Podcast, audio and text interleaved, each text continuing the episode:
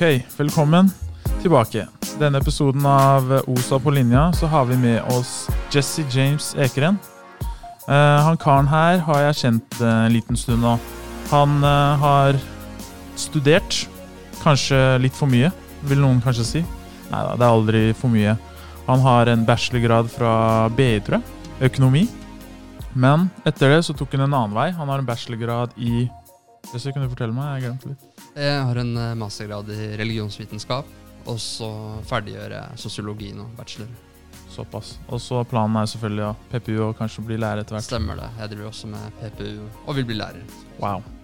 Spennende kar, og i dag skal vi snakke om eh, aktuelle ting. Og det har vært aktuelt ganske lenge, egentlig. I kanskje hele verden. Og eh, her i Norge, spesielt Oslo. Og til og med her i Sporveien, men det kan vi gå inn på litt senere.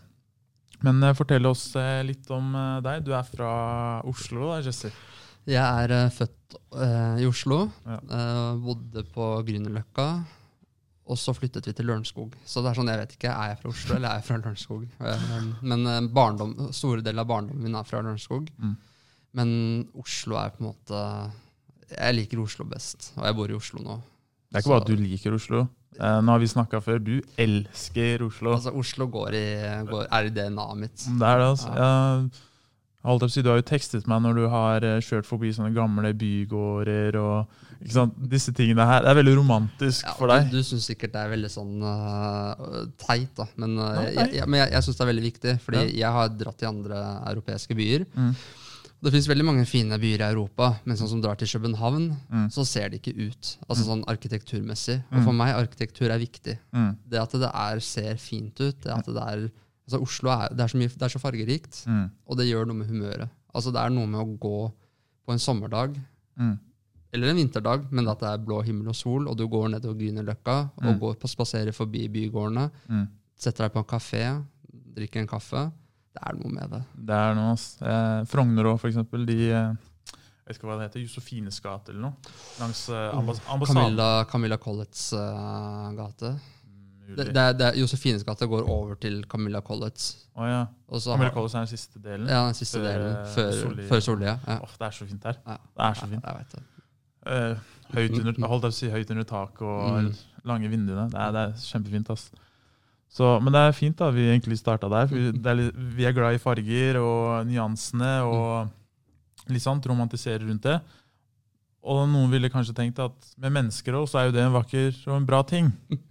Noen ville kanskje Mhm, tenkt det, men eh, det er ikke alltid tilfellet. Dessverre. Dessverre. I Oslo så har vi mange farger Mhm. og nyanser. det holdt jeg på å si, det gjenspeiler kanskje de gamle bygårdene, men ingen har tenkt på det.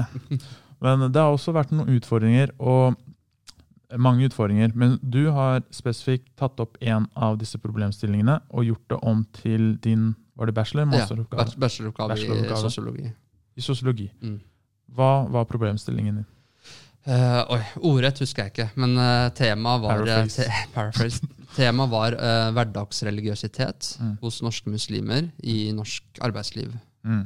Og det jeg på en måte ville se, var eller, altså For det første, det har blitt forsket ekstremt lite på det.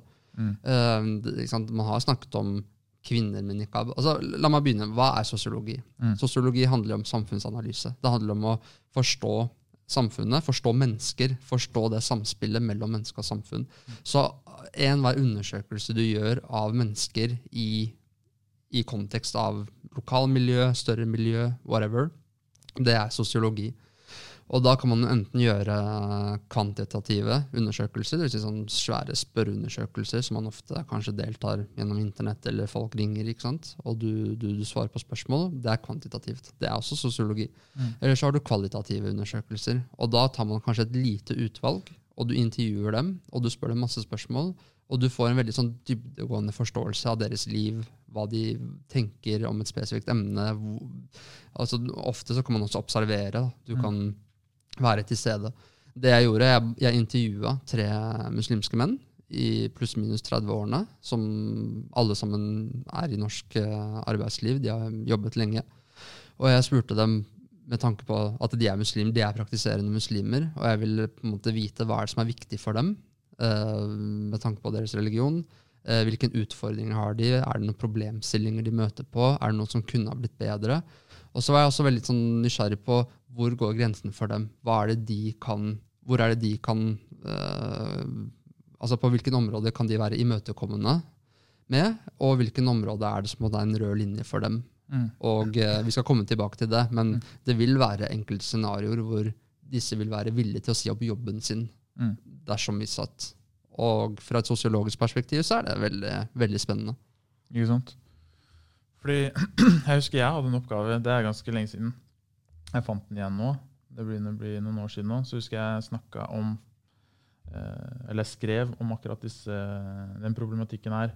Og det var viktig for meg da, husker jeg, å definere hva som var offentlig, og hva som var privat. Mm. Og også menneskerettigheter opp mot norske lover og hva de sier.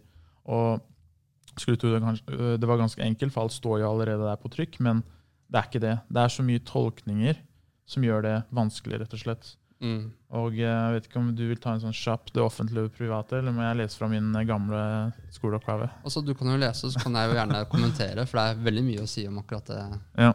de begrepene. Offentlig rom, rent juridisk, et fysisk territorium som alle har tilgang til.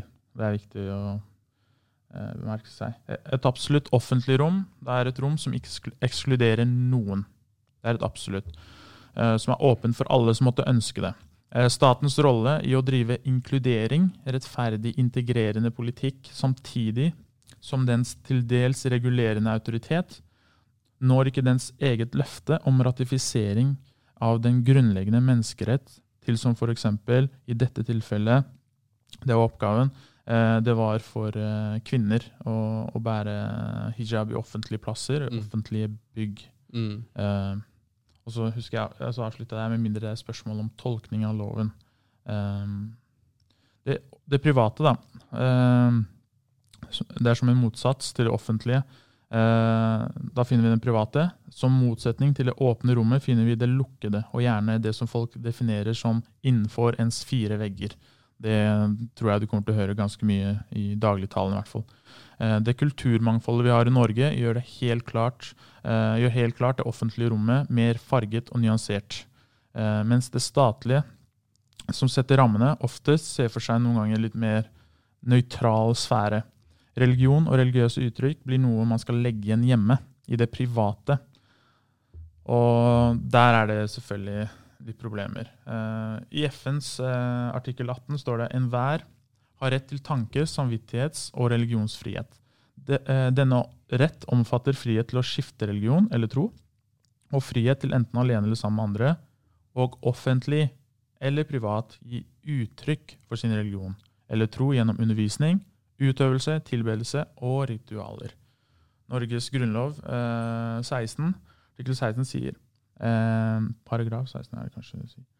Alle innbyggere i riket har fri religionsutøvelse.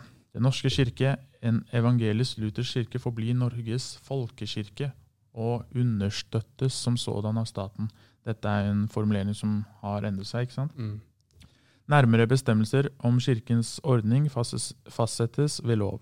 Alle tros- og livssynssamfunn skal understøttes på lik linje. Uh, ja. Og det Grunnloven skal da også sikre demokrati, rettsstat og menneskerettighetene. Så den støtter igjen det andre, som sier at du burde ha eh, lov til å uttrykke deg da, Mm. eh, fritt, eh, også i det offentlige. Så det, det er litt problem da, hvordan man tolker disse tingene her. Mm. Jeg vet at på Hvis vi, vi begge har gått på Universitetet i Oslo, og det er noe av det mest frie jeg har vært borti. Du har mennesker fra hele verden, og da sørger de for at alle som kommer inn dit, skal føle seg hjemme. Mm. Og eh, til og med den måten at de Det er nesten som forskjellige stater i et land på Universitetet i Oslo, har jeg alltid følt. Du, du har eh, realfagsbygget, som var min yndlings, som du husker sikkert. Og så har du eh, samfunnsvitenskapelige. Og så har du dens egne kafeer, som drives av dens egne folk. Du har den der at alt, alt dreves av seg selv, og den, har, den bærer preg av noe eh, unikt da, til det bygget og dets folk i det bygget. Mm. Jeg var sånn at jeg Jeg var en forræder til mitt eget bygg. Jeg dro over til realfagsbygget. Jeg bare syntes det, det var hyggeligere å sitte der. og De har god kaffe der, i hvert fall. Veldig god kaffe. Den var billigere. Billig. Og eh, kjelleren var koseligere å sitte. Mm. Bedre sofaer. Og noen ganger kunne du komme borti noen sånn noen professorer som snakka om søvnproblemer og dietter og sånne ting. og du vet, det er, det er noe for meg. Så, eh, så ja. Og nå vet jeg ikke hvor, nå, nå holder jeg på å hoppe ut der. Men eh, jo, du ser hvordan de driver en inkluderende jeg vet ikke om jeg skal kalle det politikk da, allerede fra begynnelsen av, som gjør at du egentlig ikke tenker over det når du kommer dit. Mm. På, I kantina så har du mat fra alle steder. Du har meksikansk, du har arabisk, du har det, du har norsk, du har alt mulig. Og så har du da vegetar, vegetarmat, du har fisk, eh, pesketarianer, eller hva det heter. Du har halal, du har alt mulig rart. Mm. Og du føler deg så med allerede fra starten av. Og det gjør noe med psyken din òg. Jeg hadde en annen eh, tidligere vi har snakka om det her, eh, om inkludering og mangfold. og hvordan Du kan ikke undervurdere det psykiske òg. Hvis du kommer til et sted du ikke føler deg hjemme. Hvor Mm. godt du faktisk presterer. ikke sant? Det kan gjøre ganske mye med deg. Så når, hvis du kommer til et sted som Universitetet i Oslo, du føler deg hjemme, du føler at de har tilra- tilrettelagt for deg, så føler du faktisk at du var ment å være der, og ikke blei kvotert inn, som det nesten er i noen eh, sektorer i, det landet her, Mm. hvor du nesten føler at du er der kun fordi det, var med, det sto på papiret at de burde ha noen med innvandrerbakgrunn. da. Mm. Og kanskje på søknaden så sto det vi oppfordrer folk med eh, minoritetsbakgrunn å søke. Du føler deg liksom ikke som du har gjort deg fortjent heller. Mm. Og som i psykologi nå, hvis, masse forskning der, hvordan man svarer til forventninger, det, det er stort, altså. Mm. Hvis folk forventer mye av deg, så vil du se at du presterer veldig mye bedre enn at hvis folk har mistet håp på deg. Mm. Og det er ting kanskje mange ikke snakker om. Kanskje mye mer i pedagogikken når det gjelder barn. Man skal hele tiden oppmuntre dem. Men eh, også for eh, eldre.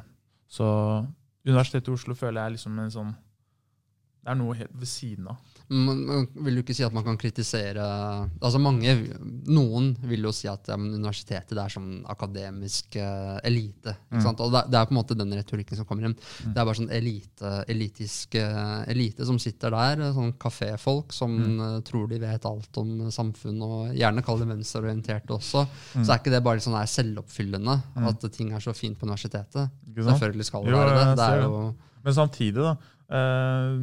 Eh, de fem forskjellige byggene der, fem forskjellige eh, holdt jeg på å si, Noen driver med økonomi, noen driver med psykologi, noen driver med det, pedagogikk, det og det og det. Og så har du En dag så kan de møtes på samme kontor. mm, Fem elever fra disse fem forskjellige stedene kan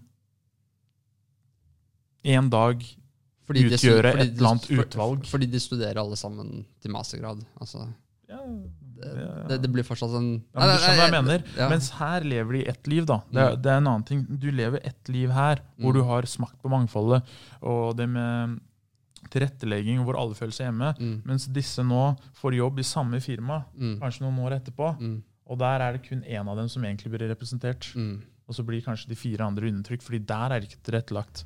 Og da har du et sånt problem for at i barndommen mm, så ingen som lærer oss at eh, holdt jeg på å si, de svarte er slemme og de hvite er best. og sånn. mm, Du hører ikke det. Hvis noen hører det, så er det veldig få. tror Jeg Jeg har aldri hørt om noen kompis som blir fortalt det når de er små. Du skal liksom være snill mot alle og sånne ting. mm, Og så er det gjennom skolen, og så lærer du teorien der. og så Du ser kanskje fargen, du tenker ikke noe særlig om det. Du omgås med alle. mm, Og så kanskje ender du opp ja, på universitetet, og så har du det, det livet du har der, som jeg allerede har beskrevet.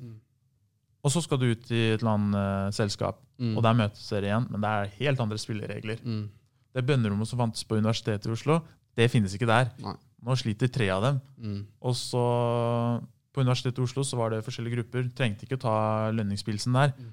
Det må du gjøre her nå. mm, Fire av dem er ekskludert allerede. mm, Hun ene kanskje som blir med, blir kanskje favorisert òg i bedriften, for hun er jo så livlig. Hun har vært på middag hos meg mange ganger. Barna mine har til og med vært hjemme hos henne. mm, Sånn, du får det der eh, mellommenneskelige forhold som gjør at du blir kanskje undertrykt i arbeidslivet òg, pga. at du er ikke med på ting. Du holder deg mer tilbake, og du finner ikke din plass. mm, Mens helt opp til nå så har det kanskje vært plass til deg i samfunnet. mm. Det er kanskje. Altså, det er jo kjempevanskelig, det du nevner der. Fordi det handler om identitet, og det handler om eh, at eh, ethvert menneske har jo behov for å bli anerkjent. Mm. Og det der med anerkjennelse, det er, et, eh, det er et ord som vi diskuterer veldig mye i akademia, i hvert fall, men som man kanskje ikke snakker mye om ellers. Mm. Men poenget er jo det at du er den du er. Du har, du, ikke sant? du har kanskje to grad av ting som er viktig for deg. Du har sånn vanlige interesser og hobbyer, og sånt, og så har du sånn dyptgående overbevisninger. Det kan være religiøst, men det kan også være f.eks. en som er veganer. For eksempel, han er dypt overbevist om at man ikke skal spise kjøtt. Mm. Det kan være andre ting. Det snakker om dype overbevisninger. Og Mm. det er jo en veldig viktig del av å forme identitet. Og hvis man ikke møter noe som helst anerkjennelse, at du går rundt og at du, du går ut med følelsen at folk hater deg eller misliker deg, Mm. så er jo det kjempefarlig for, for eh, ens egen syke. Og Mm. man kan bli deprimert, og man blir ineffektiv. og Det, det, altså det, det er ikke sånn det skal være. Og det er ikke sånn det er ikke engang sånn man legger opp til at det, altså Man legger jo opp til nettopp som du sier, at man skal inkludere. Statens oppgave er jo også å, å skape inkludering i offentlig rom. Mm. Og det er jo hovedgrunnen. Det er at folk skal jo kunne føle seg anerkjent og kunne føle seg respektert. Mm. Og, eh, og eh, Det er vanskelig når ikke det skjer. Det har du eksempler til med Men la meg, eh, Ja, hvis jeg kan eh, um, Fordi du snakka om offentlig og privat. Og det er en veldig viktig sånn distinksjon som vi trenger å nyansere. mm. Fordi det er en sånn Når man har blitt fortalt 100 ganger, kanskje tusen ganger i løpet av et liv, at eh, religion det er noe privat. Religion kan man legge inn hjemme. Når du har bare hørt det tusen ganger og aldri reflektert over det, så er det jo veldig lett at man bare hopper på det, Mm. hopper på det toget der og tenker at det er riktig. Mm. Men jeg vil si at det er feil. Mm. Og akkurat den ideen er en veldig sånn Man sier at det er en veldig fransk tankegang. Det er et uh, fransk ord som heter laicité, og Mm. det betyr egentlig sekularisme, men det betyr fransk form for sekularisme. Og den har en veldig spesifikk fransk historie bak seg, hvor man hadde en veldig sterk eh, kirke i Frankrike. Som jeg tror det var 1905, så skjedde en en slags revolusjon, at man skilte stat og kirke. Og det var i kontekst at kirken hadde veldig mye makt. Så begynte man da å, å, å separere da mellom offentlig sfære og privatsfære. Og man sa at vet du hva, fra, nå, fra og med nå skal kirke og religion kun på en måte være forbeholdt den private sfære. Mm. Så det er der liksom ideen om at uh, religion er noe privat, på en Mm. måte oppsto eller ble veldig utbredt. I Amerika så har det aldri vært tilfellet. USA, USA er jo et sekulært land, Mm. men de har en annen form for sekularisme Mm. som ikke kjennetegnes av den franske modellen. Mm. Og der har jo sant, eh, USA har aldri hatt en statskirke. Mm. Det er i konstitusjonen deres at det ikke skal være en etablert uh, kirke. Mm. Men likevel så har religion aldri vært en privat uh, affære. Ja. Uh, så der, der, derfor der ser man at det liksom, dette her med hvordan man anser religionens plass i samfunnet, varierer veldig fra sted til sted. Og det har noe med historie å gjøre, og det har noe med en kulturell forståelse å gjøre. Ja. Så det man må diskutere da, hva er den norske modellen, Mm. og hvorfor er det sånn, og bør det forandres? Ja. Og da er det jo noe med at det som på en måte er litt problem, det som er litt problemfylt, og det som vi kommer inn med all, alt det du har på en måte nevnt nå, det er det faktum at Norge har jo vært et homogent samfunn veldig lenge. Mm. Altså Hvis vi ser bort fra samiske minoriteter og andre minoriteter, det er jo veldig små minoriteter, men sånn generelt så vil man si at Norge har vært et homogent samfunn. Ehm, og protestantisme har på en måte vært eh, den dominerende religionen. Og det er jo klart at det får jo da Da blir det en veldig clash når det er på en måte det som har vært tilfellet. Også fra 1970 så får man masseinnvandring til Norge. Og så er det plutselig mange mennesker. Og så må du forholde deg til nye ting. Du må forholde deg til nye religioner, du må forholde deg til nye kulturelle mønstre, du må forholde deg til nye mennesker. Og hva skjer da? Og det er det spørsmålet folk stiller nå. Mm. Hvordan organiserer vi oss på en måte som får ting til å funke? Ikke sant? Nei, jeg, ehm, jeg vet ikke. Jeg syns det, det er vanskelig. Og det er nesten sånn det må gå et par generasjoner. Uansett hva jeg har pønsket ut, for jeg har tenkt mye på det, vi har snakket og vi òg. Det kommer masse ideer om hva, hva som bør gjøres. Og det er ofte ikke én ting, men det er mange ting som henger sammen. Mm. Sånn fra stat til deg med naboen din og familien din i dagligtalen. Og på arbeidsplassen og få deg en brun venn, liksom. Få deg en hvit venn. La, liksom, det starter i det små, men også eh, symbolpolitikken og politikerne våre, hvordan de snakker om det her. Media, sosiale Mm. medier, hvordan de snakker om disse tingene. Eh, det, det er liksom Det er mange ting. Og jeg føler uansett hvilke svar jeg har gitt meg selv, så er det bare sånn Det må gå noen generasjoner. Mm. Dette skjer ikke over natta. Vi kan komme med den beste tiltaksplanen ever, men det er ingen mennesker som bare forandrer seg sånn over natta. Det, det tar tid. For Jeg merker forskjell på eldre generasjon og vår generasjon. Det merker sikkert du òg. Det er ikke så mye problem med oss når det gjelder farker, og sånne ting, men det er litt større problem jo eldre folk blir. For det var jo så nytt for dem og skummelt og bla, bla, bla. Mens vi har jo vokst opp sammen, og vi, vi, vi snakker mer eller mindre det samme. Mm. Så jeg vet ikke, jeg bare føler også at tiden må helbrede mye av disse sårene nå. Det kan, det kan hende at tiden eh, vil helbrede det, men det kommer litt an på hvilken Egentlig det kommer også veldig an på hva vi gjør her og nå. Mm. Fordi hvis på en måte, hva skal man si, hvis majoritetssamfunnet bare fortsetter seg i sin egen boble, og minoritetssamfunnet bare fortsetter i sin egen boble, og de aldri på en måte snakker med hverandre og, og, og lager nye enigheter, lager nye spilleregler, Mm. så vil det bare bli mer polarisering. Ja.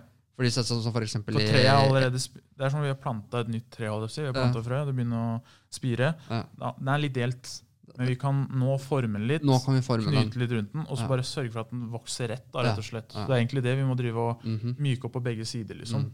Hvis ikke så bare Fordi i England for eksempel, så Mm. har det jo, kan man jo si at det kanskje er, har vært to flere generasjoner med altså Man sier at innvandreren kom, kom Mm. i stor grad etter annen verdenskrig, så på en måte innvandring har vært, vært lengre i, i England, men mm, du har fortsatt mye problemer der. Ikke sant? Ja. Nei, det er, det er vanskelig, ass. Det Men hva tenker du? Hva kan gjøres? Jeg har tenkt så mye, men jeg, jeg er en simplistisk kar. holdt Jeg på å si. Jeg er en simpel kar. Jeg tenker noen ganger sånn Snakk med folk. Mm. Eh, Noen ganger så er det en løsning på ganske mye. Mm. Ikke sant? Snakke med folk. Jeg snakker med en eldre nordmann som kanskje syns det er skummelt å snakke med en brun kar. Og så møter han meg og tenker nei, men du var jo ikke så skummel, da. Mm. Ikke sant? Du var jo veldig hyggelig, da. Det er ikke, ikke møtt så mange som deg, men du var veldig høflig. Nesten sånn. Skryter til vennene sine. Jeg kjenner jo ikke mange. Jeg kjenner jo Gabi. Han er brun, han da. Han er hyggelig kar, han. Jeg har ikke noe problem med de lenger. Jeg. Så sant? De får en helt annen måte å tenke på. Det er litt fleip der, men det er liksom sånn. Det starter i det små. Mm. Starter med å hjelpe naboen din. Mm. Eh, La barna dine leke med naboens barn. Inviter de til deg. Vis litt kjærlighet der, da, rett og slett. Og så er det selvfølgelig eh, Eller det må jo starte der, for i hjemmet der er alt starter. Vi møtes på, arbeidspla eh, på arbeidsplassen, vi møtes på skolen og disse andre arenaene etterpå. Så det må starte der, som bevisstgjøring Mm. i hvordan vi tenker og snakker om det. Mm. Men der har du ikke bare familien som eh, en del av dette problemet nå. fordi nå har du media. Mm. De kommer jo hjem til deg nå. Det er ikke sånn at De kaster en avis i posten din, og du må faktisk ut og hente og lese hva som står der. Mm. Du blir slengt inn gjennom TV-en din og podkast og YouTube og alt mulig. Mm. Så de har jo faktisk et ansvar, de òg. Hvordan de serverer holdt å si, virkeligheten. Mm. Og den er ofte ikke Den gjenspeiler ikke den realiteten jeg ser hver dag, da, for å si det sånn. Mm. Eh, når du hører kun om sånn ungdomsgjenger i Oslo og Jeg skulle gjerne visst hvor mange ganger de samme menneskene jeg blir nevnt. Jeg har på følelsen at 99% av alle de artiklene handler om den samme karen. liksom. Mm. Men det får det til å virke så ekstremt stort. Altså, media fungerer på en veldig spesifikk måte. Mm. Og jeg, jeg tok et, Nå høres jeg skikkelig sikkert ut som sånn universitetssnobb, men, Du er men det. jeg er det. Eh, Du er det jeg, jeg, jeg, leste opp til et uh, mastergradsemne i medievitenskap, og det er en veldig god bok. Eh, den het 'Religion i pressen'. Så, så det, det er jo forsket på hvordan religion blir fremstilt i norsk presse, og med tanke på uh, noen enkelte liksom, emner da, som har med religion å gjøre. Mm. Og, eh, og eh, de er jo medieforskere, og det de på en måte sier, er at media er opptatt av konflikt. Mm. Det er kanskje åpenbart. Man har kanskje ikke trengt å gå på universitetet for å finne ut det, men det er, det, er, det er på en måte Selv akademikere skjønner det. Det, det er slik media opererer. Mm. De er opp, opptatt av intriger, konflikt, drama, motsetningsforhold. de liker, de liker være den parten som på en måte, på en måte kanskje blusser opp på begge sider, for at det blir noe å snakke om. Fordi folk, folk eh, liker å lese om det. Mm. Folk, folk liker faktisk ikke solskinnshistorier. Solskinnshistorie er kjedelig. Og media de skal, de skal lage aviser, de skal eh, ha nettaviser, de skal tjene penger, de må ha seere. De må ha lesere, mener jeg. Tenk hva det gjør med deg å sitte og Du leser det her hver dag. Fordi vi er jo utstyrt med mekanismer som gjør at vi beskytter oss selv. Vi har frykt, f.eks. Ser du en løve foran deg, så håper jeg du blir redd. Mm. Fordi da pumper du adrenalin, og eh, oksygen i lungene blir, det blir større. Eh, kapasitet. Det gjør at du kan rett og slett løpe fortere, tåle mer, Mm. holde ut mer. Fordi målet er å faktisk redde deg fra den situasjonen her. Det å sitte og se på det her hver dag og tro at det faktisk er en reell fare. Kanskje begynner du å tro at det faktisk er rett utafor vinduet ditt så foregår det her. Og bare du går ut nå, så blir du overfalt av en eller annen sånn gjeng fra Romsås. Jeg ikke tenkt på at du bor på Majorstua og sånn. Det er ganske langt unna, da. Men det er sånn, det blir en realitet som er så fjern. Og jeg tenker, hva gjør dette med folk? Og det er dag etter dag etter dag etter dag. Mm. Nå kommer det en person på jobb og snakker om de Romsåsgjengene på Majorstuen og sånn. Mm. Det er null rot i virkeligheten. Men altså det som jeg tenker er farlig, det er at uh, media de, de representerer Ikke representerer. De serverer narrativer Ja. om hvordan virkeligheten fungerer. Altså Det er jo det der. Altså de, de bare konstruerer en virkelighet. Noen ganger så er det sant, andre ganger så er det kanskje burde vært nyansert litt bedre. Mm. Det som er uh, veldig viktig å tenke på, det er at f- disse narrativene, bare at de eksisterer der, det kan påvirke folk. Som du sier, det kan skape frykt. Mm. F.eks. hos en stor del av befolkningen. Men det kan også forsterke på en måte, ok, la, la oss si at media hele tiden snakker om hvor farlige ungdomsgjenger på Stovner er, eller Romsås. ikke sant? Når disse ungdommene hører det gang på gang, Mm. så vil de, det er større sjanse for at det vil bare øh, oppfylle seg selv. Mm. Fordi de vil bare høre at å ja, det er sånn vi er. Igjen forventninger. Hvordan folk snakker om deg. Mhm.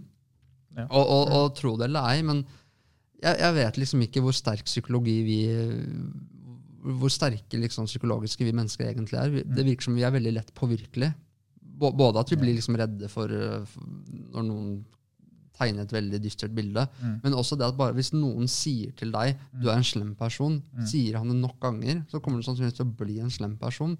Og det som er farlig da, er at når du da blir en slem person, så vil vedkommende si Ser du, hva er det jeg sa? Han er en slem person. Bare se selv. Det er så, ja.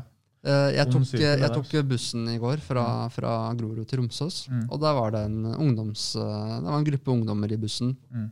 Det er ikke engang ungdom med barn, altså 11-12-årsalderen. Mm. Unnskyld.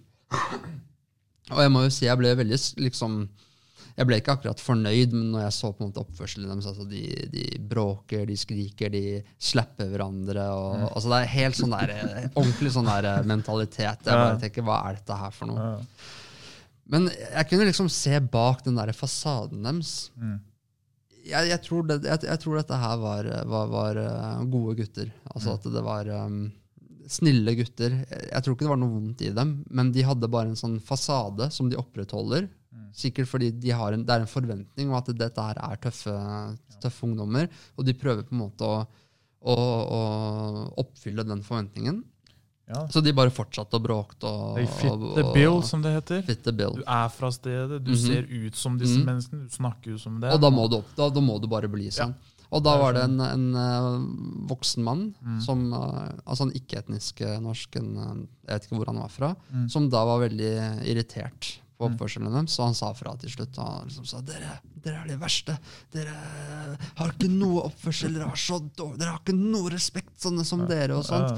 De, og, så, og så svarte han ene gutten bare sånn, ja, hva forventer du? Vi er ikke de beste heller. Sånn. Sa det. Og så, og, så og, så, og så svarte mannen så svarte mannen Nei, men dere er sannelig de verste. Ja, men da sier det seg sjøl. Men, men greit, jeg, jeg dømmer verken mannen eller, eller, eller kidsa. Jeg, jeg skjønner frustrasjonen Ja. til han karen. Altså, Vi alle var ganske lei av den oppførselen deres. Så, så, så, og jeg, jeg hadde nesten lyst til å eh, bryte ut sjæl, men greier at, så, så det blir veldig sånn etterpåklokskap å sitte etterpå og, og fordi jeg holdt kjeft, jeg sa ingenting, og da kunne liksom analysere veldig pedagogisk at jeg ikke, nei, dette her burde ikke han karen ha sagt sånn, men fra pedagogisk Sånn er det å være akademiker. det, det er det. Man, man blir veldig trenger etterpå. tid. Man trenger, Må sette seg ned med en kopp te og analysere hele greiene. Gjerne en kopp cortado. Helter er ikke ofte akademikere, liksom. Det er, det er litt tøffe, barske folk. De hopper inn. Men, men, men poenget er bare det, det at han karen sa dere er de verste. Ja. Jeg, jeg, jeg er bare liksom redd for hva Mm. slags påvirkning Mm. bare det ordet der har. Så det er spørsmålet hvilken påvirkning har media da? Altså Media er en fjerde statsmakt. Altså Mm. De har utrolig mye makt med, med, med hva de sier og hva de mener og det ene og det andre. Og når du da åpner avisen hver eneste dag, og det står et eller annet som du Mm. føler på en måte enten direkte eller indirekte er rettet mot deg selv, så blir du sårbar for det narrativet som media 100%. presenterer. Og det, det er farlig. Du handler etter hva du har i hodet ditt. rett og slett. Det er maskinen. Den informasjonen Mm. du har, det er den du opererer på. Mm. Om du skal gå høyre eller venstre.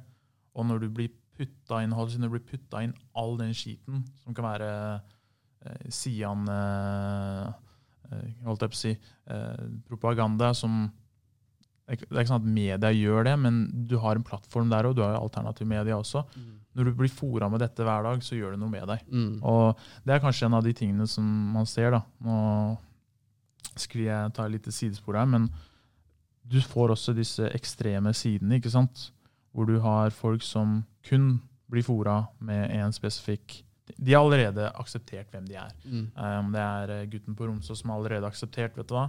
Jeg har prøvd, men folka på bussen, alle har stempla meg. De hater meg uansett hva jeg gjør. Og egentlig alt jeg gjorde på bussen, var å ha det litt gøy med vennen min. Det er Mm. sånn det er i hodet Mm. hans. ikke sant? Mm. Men tydeligvis samfunnet har bare tenkt sånn at uansett hva jeg gjør, så er det ille fordi den jeg er.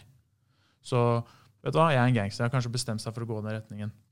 Og da får du en sånn ekstrem perspektiv der òg, han vil kanskje bli fora med kun det som selvfølgelig passer hans narrativ. Og så har du høyreekstreme, som har nesten akseptert vet du hva, det er oss mot dem. Mm. De er veldig like de andre ekstreme, faktisk. Mm. De religiøse ekstreme. De, jeg tenkte på en ting her om dagen. Det, det IS og uh, høyreekstreme i Norge har til felles, de begge tolker Koranen helt likt. Det er sant. Det er ikke kødd. Det er sant. De tolker de samme versene helt likt. Mm. Nei, de er ute etter oss. Ja, ja, vi er ute etter dem. Det er, det er, det er så sinnssykt. Mm. Og sånn bare krasjer de. Mm. Veldig små, egentlig. Det er ikke mange av dem. Det er ikke mange av de andre Mm. heller. Men media får det til å virke større. Frykten blant befolkningen blir større. Eh, ja, jeg vet ikke hvor i all verden jeg skulle med deg, men det viser bare makten ja, til Mm. media og problemet med den frykten de faktisk skaper. Mm. Nei, kunnskap er én ting, men informasjon er noe helt annet. Vi har veldig mye informasjon, og jeg tror ikke vi helt klarer å deale med det. Um, I det hele tatt. Jeg har bare eksempel. Du kan tenke deg Facebook, f.eks. Jeg, jeg, jeg klarer ikke å kommentere ting. Jeg klarer ikke. Jeg har sett noen ganger, Du er, du er veldig flink til å kommentere. Nei, ikke flink. En gang iblant så drar du en. Du drar en en gang iblant. Jeg, jeg, ler meg i hjel. Men jeg får det ikke til, for jeg tenker sånn Intensjonen til folk Jeg bare føler folk er der kun for å skape kvalme. Mm. Det er ikke sånn som ytringsfrihet, da, som egentlig eh, de sidene og de folka gjemmer seg bak. Noe av de, eh, begrunnelsen her, holdt jeg på å si, eller eh, eh, argumentet for det, er at det skal eh, Du er meningssøkende Mm. og kunnskapssøkende. Du skal liksom ende opp med en eller annen konklusjon da, Mm. ut fra all den informasjonen her som alle egentlig skal tilslutte seg rundt, for det er type, type sannhet i det. da. Mm.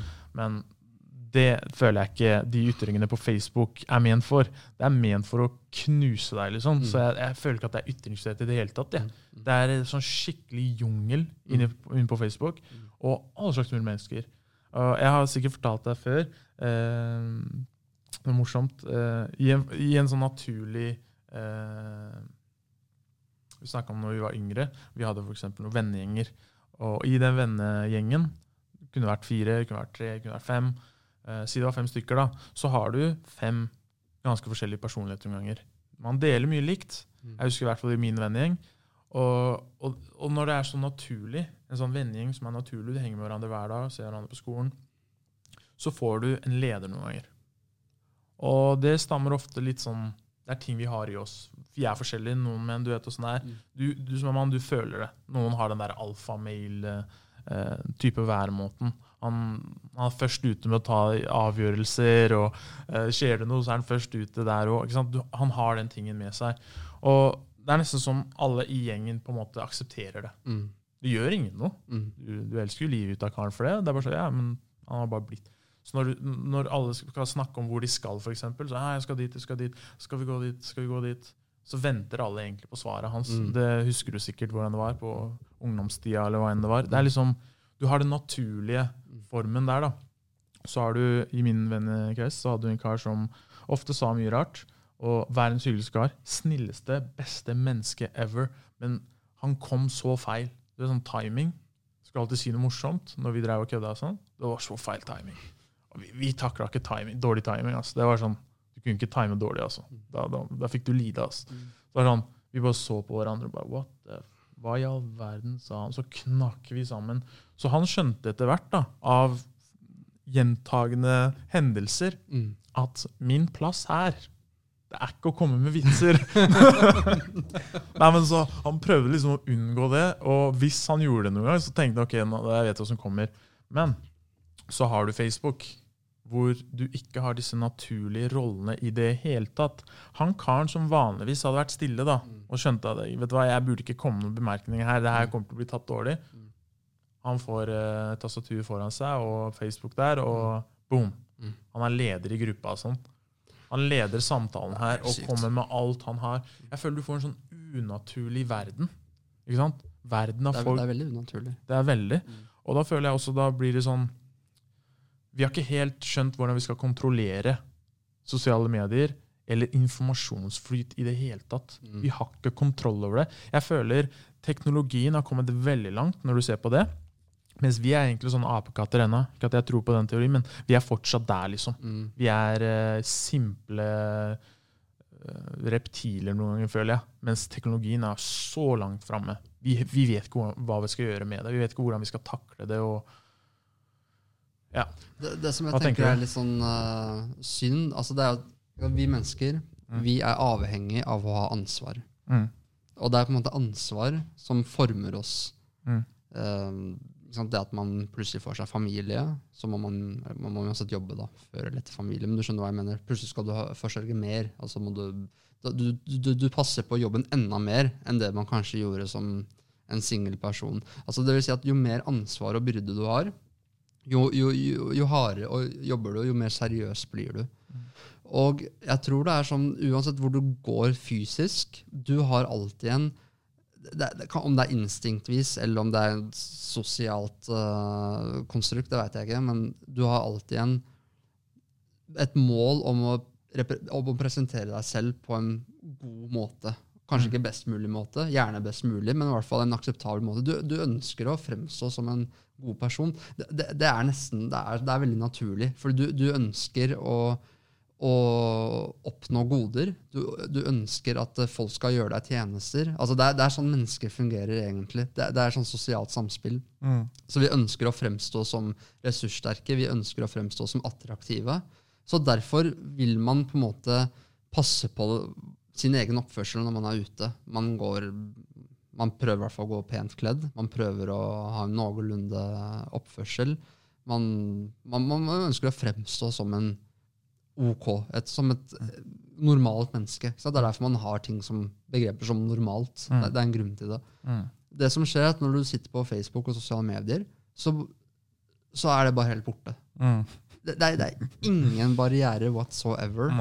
Mm, Du, du tror du kan skrive hva som helst fordi du føler at du har ikke noe ansvar. Du har ikke ansvar for å, for å, å, å svare, det, svare Mm. til altså Du har ikke noe ansvar for å vise respekt. Du har ikke ansvar for noe som helst. Du Det er ikke noen møte- konsekvenser. Det er ikke noen konsekvenser. Blir ikke slått ned på Facebook, liksom. Man blir ikke slått ned. Og, det, og det er ikke det at man skal slå ned hverandre på gata hvis man Nei, nei, jeg sier- jeg sier ikke det, jeg, jeg, faktisk. jeg vet jo du ikke sa det, men, men poenget er at en ting, Når man skriver noe på Facebook, hadde man kunnet sagt dette face to face Mm. til personen på Karl Johans gate? Mm. Hvis svaret er ja, skriv. Mm, Hvis svaret er nei, mm, ikke skriv. mm. Er, ja. Ja, men, ja, men det mener jeg. Det Hvis ikke bra. du er villig til, Mm. å, til å, å, å si dette her uh, fysisk foran en person, så, så, så er det sannsynligvis Pluss at det er ikke alt som bør sies uansett. Det er ikke alt som skal sies. Ja, men det er liksom sånn Ja, jeg kunne sikkert sagt det til personen, men mange ganger så tenker jeg hvorfor? Hva, hvorfor skal jeg si det her? Mm. Er det fordi jeg vil bare at han skal vite hvor dum Mm. han er? Mm. Eller vil jeg at han skal bli smartere? For hvis jeg ønsker at han skal bli smartere, så burde jeg kanskje gi han en bok om matlaging. Mm. Ikke gå og fortelle han hvor bæsj den kaka han smakte. Jeg vet ikke hva, hva er det jeg vil oppnå. Ikke sant? Altså, Det er måter å snakke med hverandre på. Da. du er en person som har uh, meninger og holdninger. Mm. Ikke sant? Mm. Ha, har du noen gang er, er du veldig sparsom med dine holdninger? Ja, jeg vil si det. Men, men, men man vet hva du står for. Sånn grovt sett. Eh, det- Svar nei. ja, bare svar ja. Nei, men det, tingen er, det er ikke alle som, det er ikke alle som syns det. Nei, Jeg, jeg fikk høre et par uker siden en liten eh, diskusjon. «Å, Du må søren meg velge side, da! Du kan ikke være nøytral hele tiden. Jo, jo, men det, det, man kommer jo alltid i dilemmaer i livet hvor man kanskje må ta litt vanskelige valg. Men Mm. det jeg ville frem til, da det, Hvis du hadde svart ja, men det har ikke noe å si. Faktisk svaret blir irrelevant. Eh, neste spørsmål. Når du tar T-banen, Mm. føler du deg trygg eller utrygg? Føler meg trygg. Ja, og grunnen til det er fordi at du har sannsynligvis opptrett ganske så, så eh, høflig og såpass greit at du trenger ikke å se deg bak eh, skuldrene. Mm. Og det, det jeg på en måte vil frem til, det er at eh, Hege Storhaug hun føler seg ikke trygg når hun tar T-banen. Og, og ikke misforstå, jeg sier ikke at hun, hun fortjener å bli slappa. Altså, nei, nei, jeg, jeg, jeg, jeg, er veldig, altså. jeg er veldig, jeg er mot, uh, mot vold. Men poenget er at eh, hun føler seg utrygg. Hun føler seg utrygg. Hvorfor det? For hun veit hun har sagt mye dritt Mm. og møkk. Mm. Og, og at hun, liksom, hun vet det faenskapet hun, hun legger opp til selv. Ja. Og, og det blir det samme hvis jeg er en Facebook-warrior som bare kritiserer, som snakker stygt og vulgært til folk, bare fordi karen ikke er uh, for meg, så sier jeg liksom uh, 'fuck deg, jævla ditt og datt'. ikke sant? Mm. Det kommer til et punkt hvor du gjør det ofte nok, hvor du Mm. faktisk ikke føler deg trygg på T-banen lenger. Ja, Fordi, fordi, fordi du eh, veit aldri plutselig mø, møter du Ja, ja. på, på, på vedkommende. Ja. Så, så det er det jeg bare prøver å si. På, på, på Facebook, på sosiale medier, vær den personen som gjør at du kan i hvert fall ferdes fritt. Du, du, er- du veit at du har ikke terget noe. Og vær deg selv òg. Det du sier nå, er ganske morsomt. Fordi jeg starta på nye arbeidsplassen min, så var det en kar sånn, Hver gang jeg møtte han karen her, så det er sånn, han skvatt opp av stolen. Nesten. Sånn, du kunne se sånn fysisk sånn, sånn rykninger, skjelvinger. Karen her tenkte det må være noe sprøtt, noe, være noe rart med han. Men han var ganske normal med andre når jeg observerte det. da. Men etter hvert da, så gikk jeg inn på Facebook, fikk fikk han som venn eller en eller annen gruppe, så begynte jeg å se hva han faktisk sto for. Mm. Og eh, det var mye stygt, da, og eh, han var ikke glad i folk som meg. Nei. Og så da tenkte jeg å ja, ok. For han så kan det være sånn at kanskje For han visste ikke om jeg hadde sett det der tidligere. eller ikke. Mm. Ja, det illustrerer poenget helt Ikke sant? Det kan hende han tenker ok, han må ha sett det her. Han, må, han vet jo egentlig hva jeg står for. Han har sikkert Mm. lest om det på Face. sånn, sånn, sånn. Han er brun. Mm. Skvetter litt, tenker jeg jeg skal gjøre noe. Men. Mm. Jeg har jo ikke peil. Jeg har jo ikke lest noe fra han, så jeg tenker jeg bare hilser på han. Jeg er skikkelig glad og skjønner ikke det hele tatt. Så det er liksom to liv i mennesker noen ganger. Mm. Da er det Facebook-livet, og så er det deg i virkeligheten. Mm. Og det blir litt vanskelig for alle å forholde seg til. Det er nesten sånn, ja, Da får du velge en av dem. Hvis du vil være den på Face, vær også den i virkeligheten. Mm. Da vet jeg hvem du er, i hvert fall. Mm. Slipper vi ekle sånne rykk som det der. Skremmer jo livet ut av meg òg, jo. ja. Men eh, nå har vi eh, gått gjennom ganske mye. Og det er én eh, ting jeg har lyst til at vi skal snakke om før vi eh, tar kvelden, for å si det pent. Ja. Bønn på arbeidsplass. Det var noe du skrev eh, bacheloroppgave om. Mm. Mm. Hvor viktig det var i arbeidstakers liv. Greit. Jeg skal si litt om det. Jeg har jo også hørt at det har vært noen utfordringer eh, akkurat rundt det emnet på arbeidsplassen hos dere også, på, på Holte. Mm, Og, eh, og la, la meg først liksom komme litt på hva som, hva som var konklusjonen i oppgaven min. da, Hva som på en måte var funnet. Mm. Hos de tre eh, muslimene som, som uh, var praktiserende, uh, som ba fem ganger om dagen altså Alle av dem satt bønnen veldig høyt. For dem så var det veldig viktig for dem. Det var, det var såpass inngrodd i deres identitet at eh, for dem å ikke skulle be, det var et svik mot dem selv. Altså, det er helt utenkelig at de ikke skulle be. Og det, det sier seg selv. Det er deres religion. De er muslimer. Eh, de anser at dette her er liksom Hvis du ikke ber, så er du nærmest ikke muslim. Mm. Det, det, det er slik de ser på det. Det sier hvor viktig det er for dem. Mm. Eh, de har gjort det de kan, å være diskré som mulig. De har, de, alle av dem hadde, i hvert fall ja, til mer eller mindre grad, forståelse for at man kan ikke bare få alt. Det handler om å møte på midten. Det handler om å, å forhandle seg til ting. Mm. Eh, fredagsbønn var også veldig viktig. Han ene arbeidstakeren som, eh, som jeg intervjua, det tok to år før han, han eh, begynte å be, eh, jo, altså fredagsbønn. Mm. Og det er fordi at han forsto på en måte at det var en større kontekst, og han valgte den lange veien å gå. Mm. Han, hadde en annen Han arbeidstaker Han gjorde seg litt fortjent i det. Eller i hvert fall at man, man bygger opp et tillit da, Ja. før man begynner å, å, å spørre om ting. Mm. Eh, han, eh, han andre arbeidstakeren han gjorde det veldig klart på jobbintervjuet at dette her var et absolutt krav, at han måtte gå til fredagsbønn. Mm. Og det er klart at han var en veldig høyt utdannet person, og, og på en måte den type arbeidsplass og den type jobb han hadde, det gjorde at det var liksom ikke noe problem uansett. Han var såpass viktig, da. Det var, Mm. Han var for viktig til at man skulle lage noen problemer ut av, ut av Mm. det. Så han fikk fri på Han, fredag? han fikk fri i hvert fall 40 minutter, og han jobbet inn. Mm. Det, er pri, det er en privat arbeidsplass. Det var ikke, Mm. noe, det var ikke noe tider. og han, Mm. han kunne jobbe det inn, og, og han er en veldig hardtarbeidende kar uansett, så, så det var på en måte ikke noe problem. Og, og når, det gjelder, eh, når det gjelder selve den daglige bønnen, så, så var det slik at alle, dem, alle dem ba på jobben. De fant seg gjerne et diskré sted, kanskje et tomt rom eller under trappa for den saks skyld. Altså, Mm. hvor, hvor en, de ville ikke lage noe styr ut av det, men de måtte likevel be. Mm. Og de sa at hvis Altså jeg stilte med en sånn ultimatum. da. Hvis sjefen sier at du ikke får lov til å be på jobb, hva gjør du da? Han ene svarte at da går jeg ut og ber på gata, rett og slett. Hmm. Og jeg sitter enda ultimatum. At ok, hvis sjefen sier enten så slutter du å be, eller så kan du ikke jobbe her. Da, da samtlige, tror jeg, jeg husker ikke helt, valgte da Da ville de vurdere om, om de ville fortsette å jobbe. Oppsigelse, eller? Oppsigelse. Og, og, og det på en måte det det betyr, det er jo at det er viktig som, fra et majoritetsperspektiv å anerkjenne at eh, majoritet og minoritet har kanskje forskjellige behov. Mm.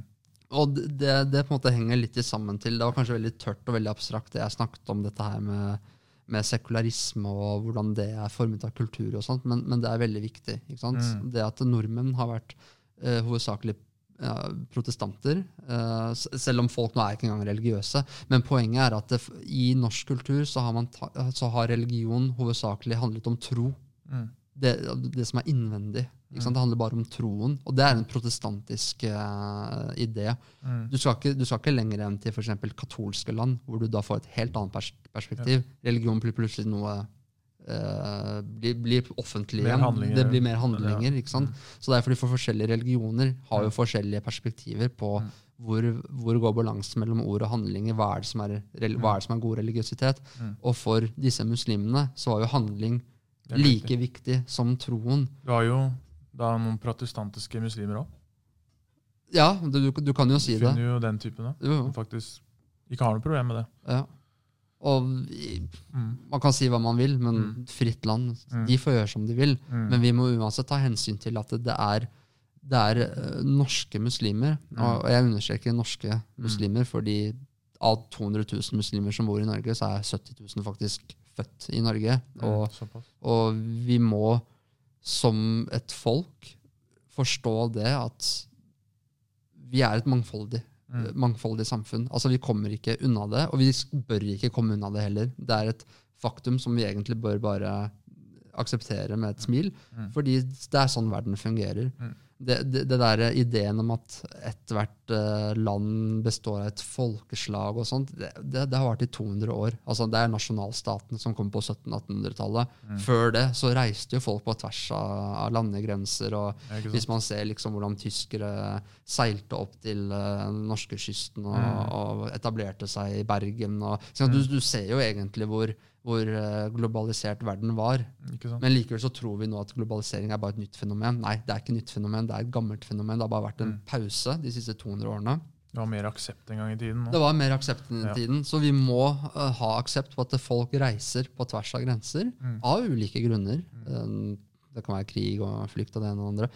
Poenget er at det er en realitet, og vi må akseptere hverandre for det. Mm. Fordi vi, og selv hvis man da er veldig sånn kulturkonservativ og snakker om nasjonalstaten og sånn, du aksepterer Samsungen din som har vært gjennom syv forskjellige land før den kom i en pakke eh, i butikken og du kjøpte den.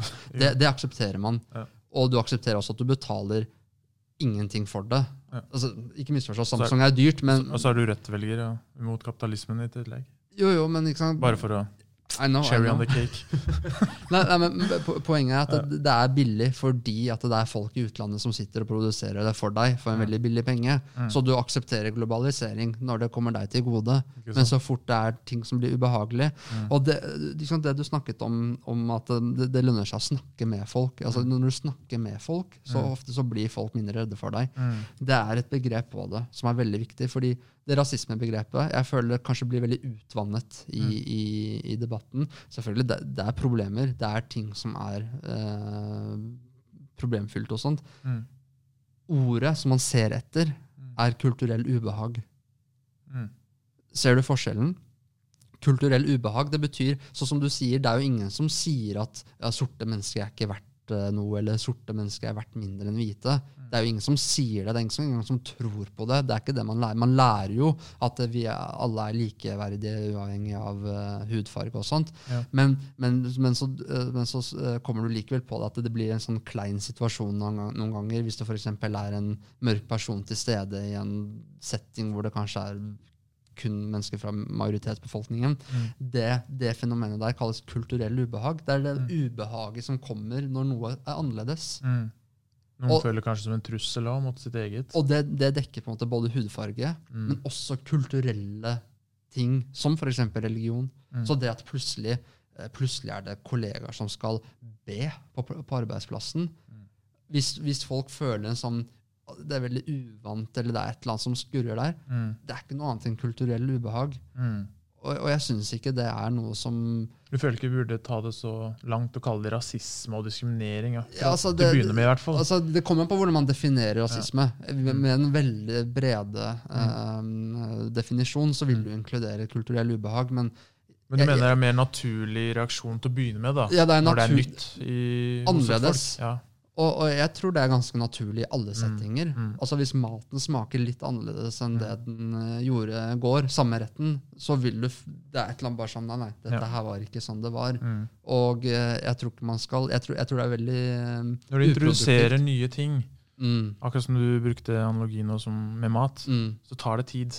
Det vil, Og det første vil jo møtet er rart. Det første møtet er rart. Ansiktet trekker seg litt sammen, pupillene blir større, og Mm. tunga skrumper litt inn. Det, Ikke sant?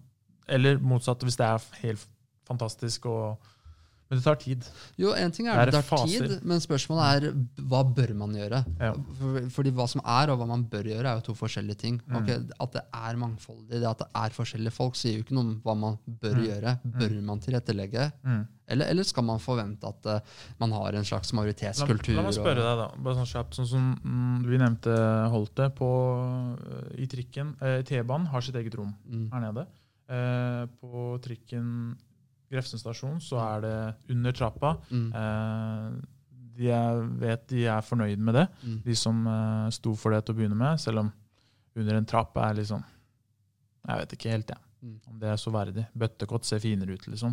Det sier jo litt. Synes, det er min mening, da. mm, Men så har du på Holte, det er en helt ny base, som vi var inne på.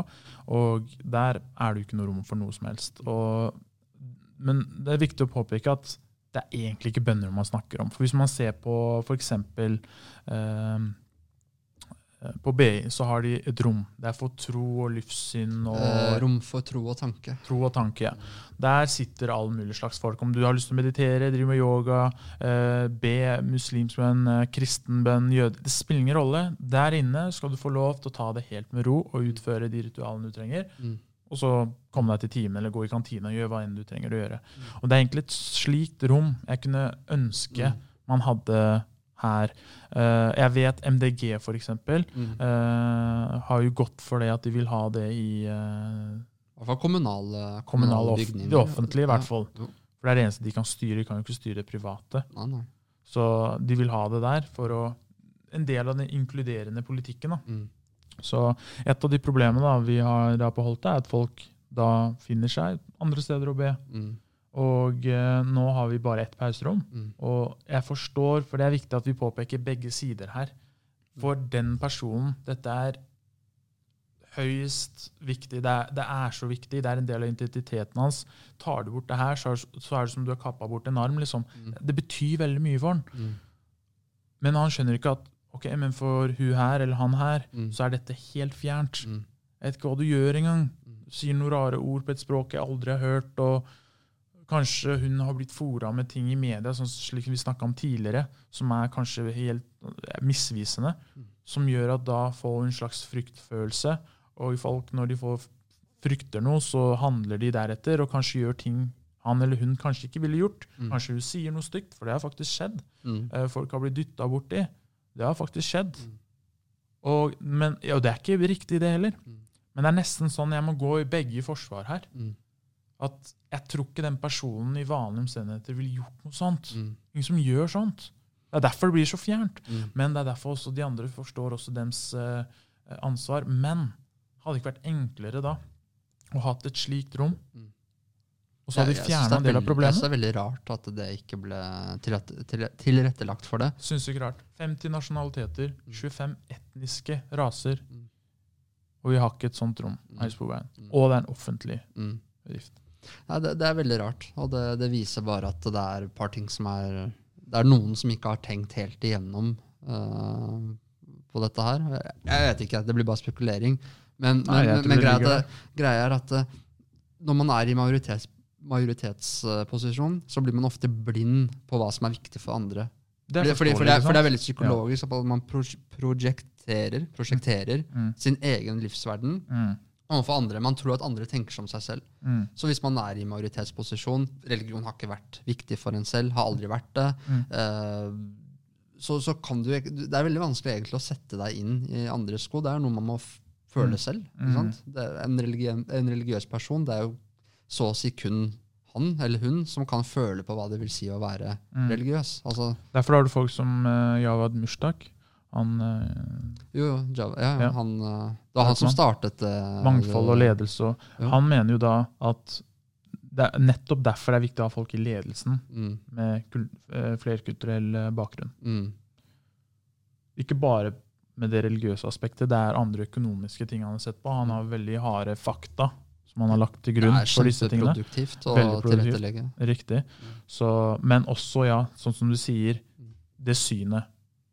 Eh, Vi kan ikke klandre majoriteten når de er så hom eh, homogent, Mm. holdt jeg på såpass homogent. Og selvfølgelig vil de tenke på eh, en viss måte. Man kan liksom ikke komme der da og angripe dem for det. Nei, men jeg forstår. Ikke sant? Ikke Du må forstå det, begge. Det er, det er kulturell ubehag, som Mm. jeg nevnte. Jeg, det, jeg, hva, det var veldig fint. Jeg har aldri tenkt på det før. og jeg, og jeg, forstår, jeg, Mm. jeg har forståelse for det, mm, men likevel så er det jo slik at det er mennesker på begge sider, mm, og hvis man skal på en måte møtes på midten mm, Man tilrettelegger jo for veldig mange ting. Man tilrettelegger for røykepauser. Når det Mm. ble forbudt med å røyke inne, så lagde man røykeskur. Altså man har jo Nå sammenligner selvfølgelig ikke bønn med å røyke, men til en viss grad så sammenligner jeg i den forstand at det er et behov Det er behov blant folk. blant ja. folk. Ja.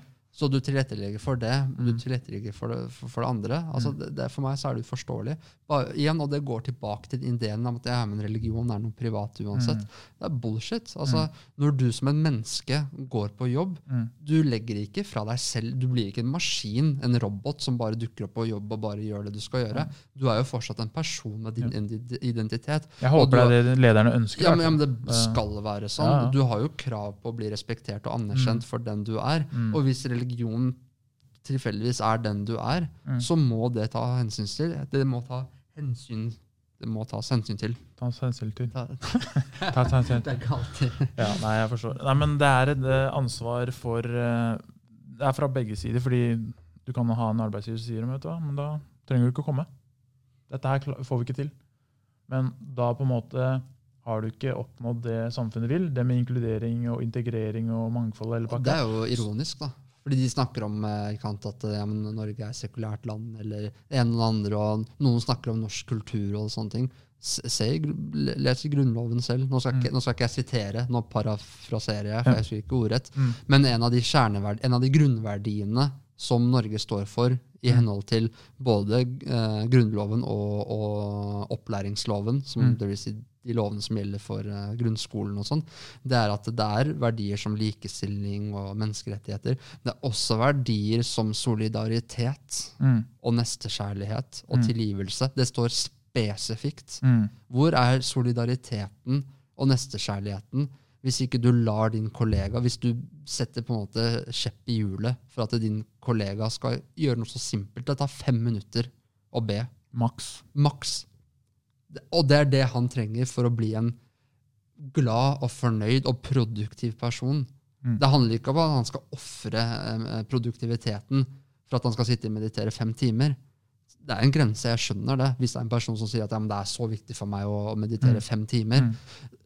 Det går tilsynelatende utover arbeidet hans, Mm. men det er jo ikke tilfellet med, med muslimer som ber på jobb. Mm.